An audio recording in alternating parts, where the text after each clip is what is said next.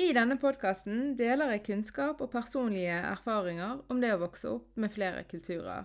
Jeg deler også erfaringer og kunnskap jeg har fått gjennom ni år med integreringsarbeid.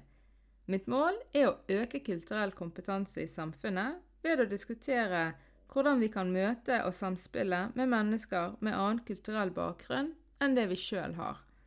Er du nysgjerrig, åpen og vil lære, er dette podkasten for deg.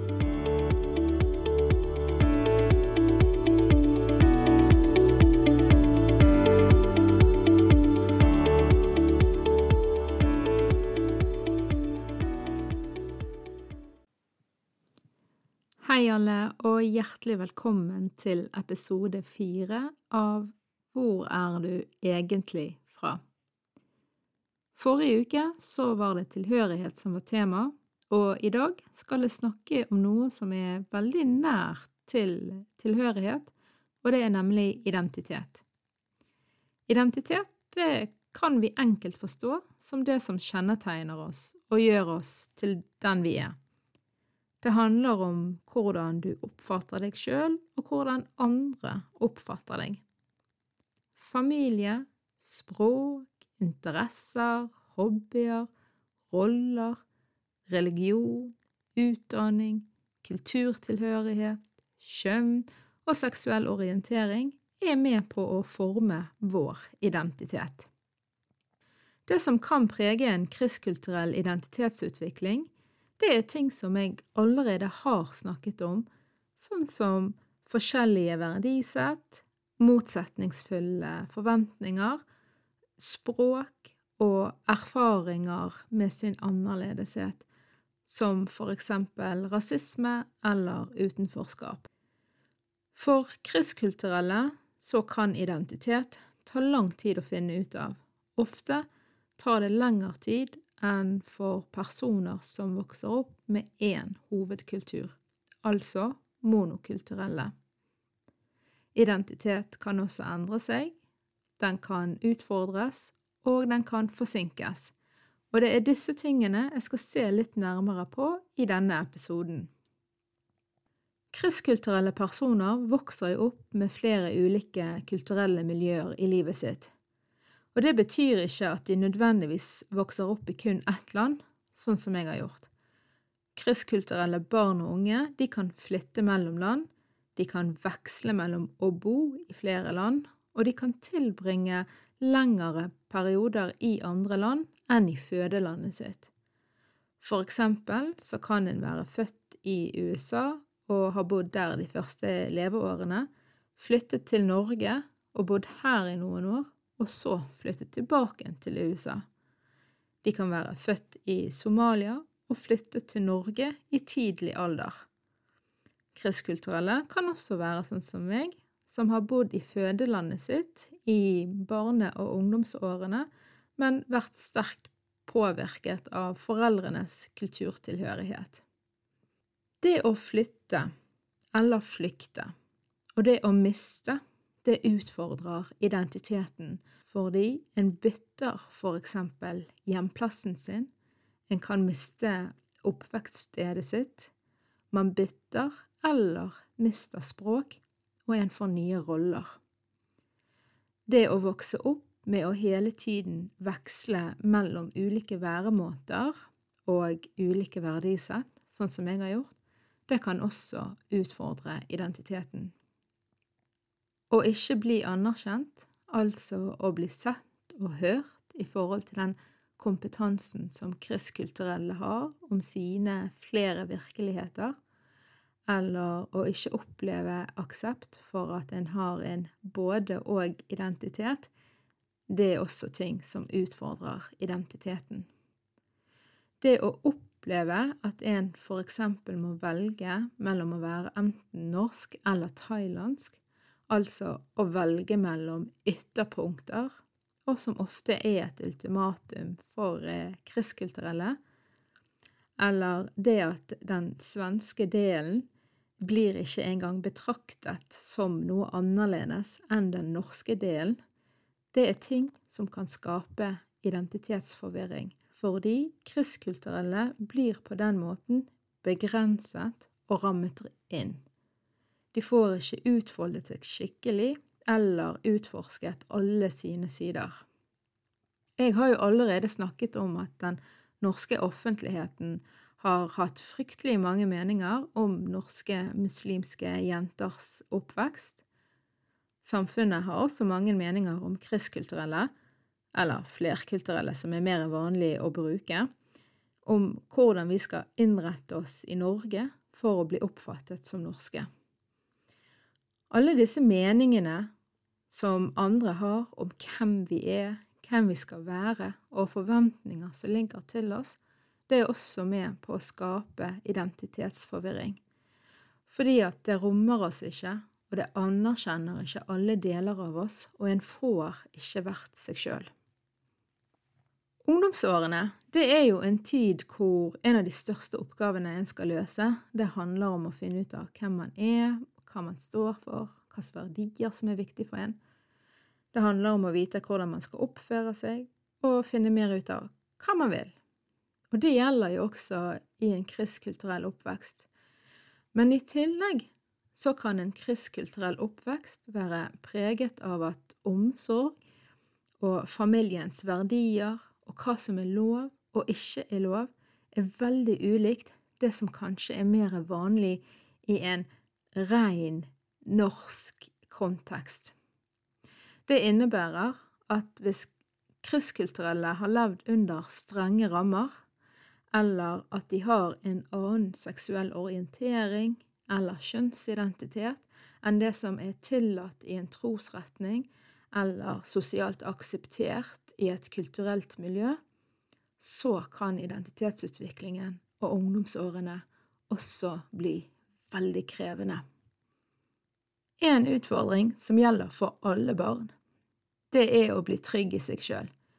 Det er et uttrykk jeg først hørte i en forelesning av Cecilia Dinardi. Hun er en kjent advokat og barnerettsforkjemper, og er sjøl krysskulturell. Det å bli trygg i seg sjøl, det handler om å være stødig på seg sjøl og oppleve å ha en sammenhengende historie om seg sjøl. For kristkulturelle blir denne utfordringen litt større fordi at man blir nødt for å knytte flere verdener sammen. Det er jo i seg sjøl krevende, men den kan bli vondere og vanskeligere fordi at eh, kunnskap om en kristkulturell oppvekst, det er ikke allment kjent enda. Barnehager, skoler, helsesykepleiere og foreldrene sjøl kan være til stor hjelp og støtte i en sånn prosess, men det forutsetter kunnskap som jeg har opplevd gjennom alle mine år i den offentlige sektoren, at den mangler.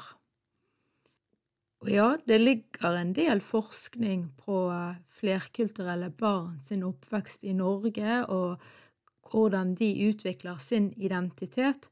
Eh, men litteraturen og forskningen den rommer faktisk ikke alle dimensjoner av en kristkulturell eh, oppvekst. Sånn at selv det, det, som vi allerede har, det er litt mangelfullt.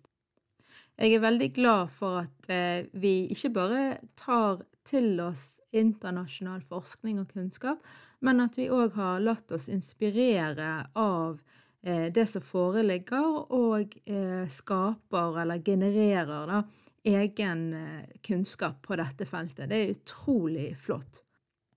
Og identitet, da, det kan jo påvirkes av forskjellige ting, og så uttrykkes den på forskjellige måter. Det er litt vittig, da, det jeg skal fortelle nå.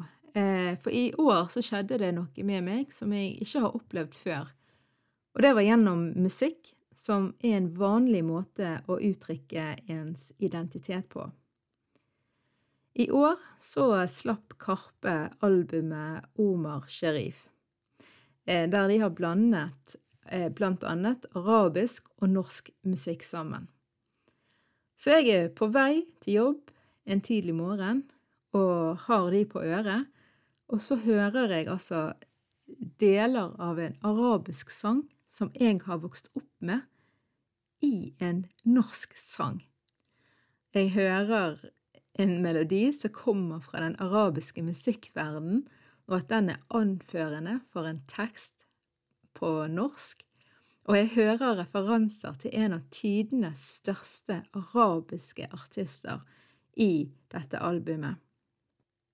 Og gjennom Karpe sin musikk så opplevde jeg at avstanden mellom det norske og det arabiske ble mindre, og jeg har blitt veldig berørt av særlig dette albumet. Jeg har gjennom min oppvekst opplevd mye usynlighet knyttet til at den arabiske delen av meg har vært lite etterspurt og lite anerkjent i det norske samfunnet, og jeg har opplevd mye stigmatisering knyttet til min arabiske tilhørighet. Karpe tok det som lenge har vært en usynlig del av meg, en bit som bare har vært delt med familien, og gjort den synlig og anerkjent. Og i dag så går altså Kari og Ola Nordmann rundt og nynner på melodiene og synger med til Karpe sine tekster. Og det har vært så fantastisk deilig å se og høre at endelig var det noen som fikk frem at også denne delen av meg har en verdi i det offentlige. Og det er noe helt annet enn da jeg for eksempel på ungdomsskolen skrev en oppgave om en anerkjent person fra Midtøsten i stedet for å skrive om en anerkjent person i Vesten, sånn som resten av klassen hadde gjort, og fikk minuspoeng fordi oppgaven var å skrive om en anerkjent person, mens jeg hadde, ifølge læreren, skrevet om noen som ikke var kjent. Det stemmer, denne personen, Avicenna, en kjent filosof og lege fra Midtøsten, han er ikke kjent i Norge, men verden består av mer enn bare den vestlige delen. Poenget det er at selv musikk kan skape mindre avstand mellom de ulike delene krysskulturelle består av. Så her er jo det bare til å utvide spillelisten på kafeer og skoler og barnehager og julebord og you name it. Rasisme og diskriminering er også noe som kan gjøre identitetsutviklingen krevende. Noen grupper som opplever særlig mye hets og hatefulle ytringer i det norske samfunnet, det er muslimer, jøder og samer. Det er faktisk et så stort problem at våre myndigheter har sett seg nødt til å utarbeide omfattende handlingsplaner mot diskriminering og hat av muslimer handlingsplaner mot antisemittisme, i tillegg til de generelle handlingsplanene mot hatefulle ytringer og holdninger. Nå spør du kanskje hvordan forkludrer rasisme og hatefulle holdninger til identitetsutviklingen hos kristkulturelle? Jo, klær det er en annen måte å uttrykke ens identitet på, og det inkluderer religiøse eller tradisjonelle klær, sånn som hijab, kipa og samekofte. Risikoen for å bli utsatt for krenkelser når en uttrykker sin identitet gjennom sånne synlige markører, det gjør at noen krysskulturelle undertrykker deler av seg sjøl, eller så velger de å uttrykke sin religiøse eller kulturelle tilhørighet, men da kan de altså oppleve å ikke bli aksepterte som igjen kan bidra til en opplevelse av utenforskap eller av at en ikke hører til her. Ensomhet kan faktisk bli et resultat av identitetsforvirring, av at andre ikke ser hele personen, eller at identiteten ikke blir uttrykt skikkelig. Det kan igjen bidra til dårligere psykisk helse, som for eksempel depresjon eller engstelse. Og dette er så viktig kunnskap for alle som møter kristkulturelle barn og unge, fordi at en krevende identitetsutvikling kan påvirke hvordan kristkulturelle oppfører seg, hvilke valg de tar, og hvordan deres psykiske helse er. Og hvis man ikke vet om dette, så kan man fort misforstå hva som ligger bak deres uttrykk, og man klarer da ikke møte dem på en god nok måte eller på en rett måte. En annen ting å være oppmerksom på, det er jo at noen ganger så kan krysskulturelle prøve å tilpasse seg mest mulig den norske konteksten, og det kan bidra til at identiteten deres visket ut. Og sånn som jeg har snakket om før, det å undertrykke deler av seg sjøl, det har en stor påvirkning på psykisk helse. Så hva trenger da kristkulturelle barn og unge for å oppleve en positiv identitetsutvikling? Kanskje det viktigste av alt, det er å utvide våre normer for hva det betyr å være norsk. Det kristkulturelle kan trenge, det er at både og-identiteten aksepteres, eksempel det at jeg er både norsk og arabisk. Det betyr også å akseptere at krysskulturelle egentlig ikke er fra et annet sted, men at det som er hjem, det er flere steder i verden. Det å skape rom for å utforske sin identitet, det er også viktig. Jeg har for eksempel erfart gjennom jobben min ungdommer som har vært opptatt av å kle seg sånn som sine jevnaldrende medelever, og så har de begynt å gå med skjortel og gro skjegget sitt, og så gått tilbake igjen til å bruke bukse og genser. Og det har vært helt greit, og det må være helt greit. Og så har det skapt eh, gode dialoger mellom oss, i motsetning til i for eksempel skolesammenheng der en lærer ringer meg og er bekymret nettopp fordi at denne eleven er begynt å gå med kjortel, og betyr det at denne ungdommen begynner å bli radikalisert. Alle som er i kontakt med kristkulturelle barn og unge, enten profesjonelt eller privat, de kan være gode støttepersoner som skaper et trygt rom, og som viser forståelse for at de tester ut, blander sammen og skaper sin egen måte å uttrykke seg på. Det å ta inn krysskulturelle personer mer i undervisning, i debatter, i media, i programmer, altså det å la de være mer synlige i det offentlige, det kan bidra til at eh, krysskulturelle får flere rollemodeller, og det er òg noe som man trenger for en positiv og sunn identitetsutvikling. For krysskulturelle de vil trenge å høre hvordan andre har løst helt spesifikke utfordringer i livet sitt, og å få presentert alternativer. Og de trenger også å se at det har gått bra. Jeg startet med å si at identitetsutvikling tar tid. Og jeg opplevde jo det sjøl, at min prosess varte jo flere år etter at mine venner var ferdig med sine prosesser. Mens de var i full gang med å etablere familie, jobbe og kjøpe hus, så vandret jo jeg gatelangs i Singapore som 24-åring og følte meg fullstendig frakoblet og med stor avstand til alle deler av meg. Krysskulturell litteratur har lært meg at det er helt vanlig at ting tar tid med oss. Det tar tid å få våre ulike virkeligheter til å henge sammen, til å finne ut hva vi tar med oss, og hva vi vil legge fra oss. Ting tar tid fordi hodet vårt kan være så opptatt av de mange og forskjellige forventningene samfunnet, venner og familien har til oss, at vi klarer ikke å tenke på hvem vi har lyst til å være. Man kan være preget av sorg og savn etter familie som bor i et annet land, at man ikke kan tenke på noe annet. Eller sånn som min tidligere jobb har lært meg, at det å leve med en midlertidig oppholdstillatelse, det tar så mye energi at det er så lite til overs for andre store spørsmål eller det å bli kjent med et nytt samfunn er så krevende at en først flere år seinere kan begynne å ta stilling til sin krysskultur. Det å ha en sånn forlenget ungdomstid, som det heter i litteraturen, det kan òg føre til forsinket opprør.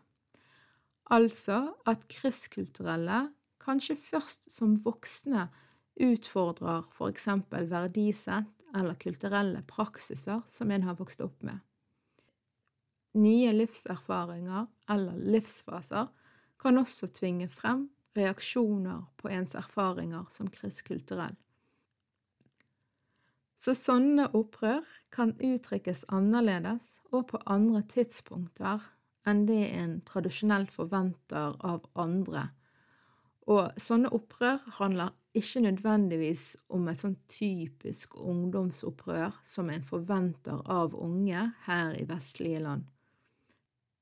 Forsinket opprør, det er normalt for barn som har mye å bearbeide og prosessere.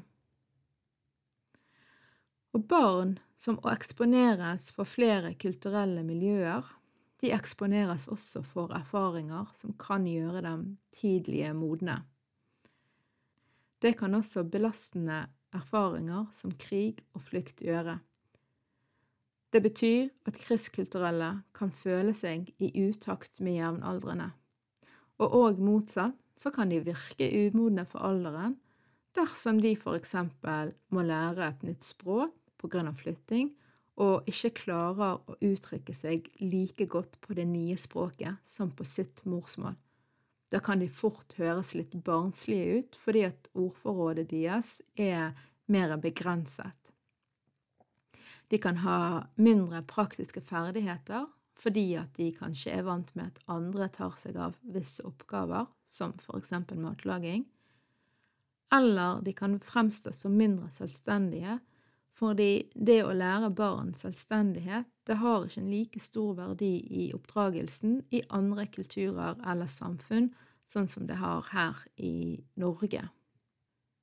Så her må vel poenget være at vi i tillegg til å utvide hva det innebærer å være norsk, så må vi òg utvide vår forståelse for hva det betyr å være barn og ungdom, og hvilke behov barn og ungdom har for at identitetsutviklingen kan bli mest mulig sunn og positiv. Så la oss oppsummere litt, som vi alltid gjør. Identitetsutvikling for kristkulturelle kan ta lengre tid enn for unge som lever med én hovedkultur. Identiteten kan endre seg i løpet av livet, og den kan endre seg som følge av nye livserfaringer eller faser, som for eksempel kjærlighetssorg eller det å bli forelder. Identiteten kan bli forsinket eller undertrykket, og den kan svekke eller fremme tilhørighet. Det er mye som skal bearbeides og utforskes, og man trenger synlige forbilder. Kristkulturelle trenger å få rommet alle sine virkeligheter få disse virkelighetene anerkjent og akseptert. Takk for at du har lyttet til denne ukens episode av Hvor er du egentlig fra? Håper du likte den, og hvis du gjorde det, setter jeg stor pris på at du liker, deler og følger podkasten. Takk for meg!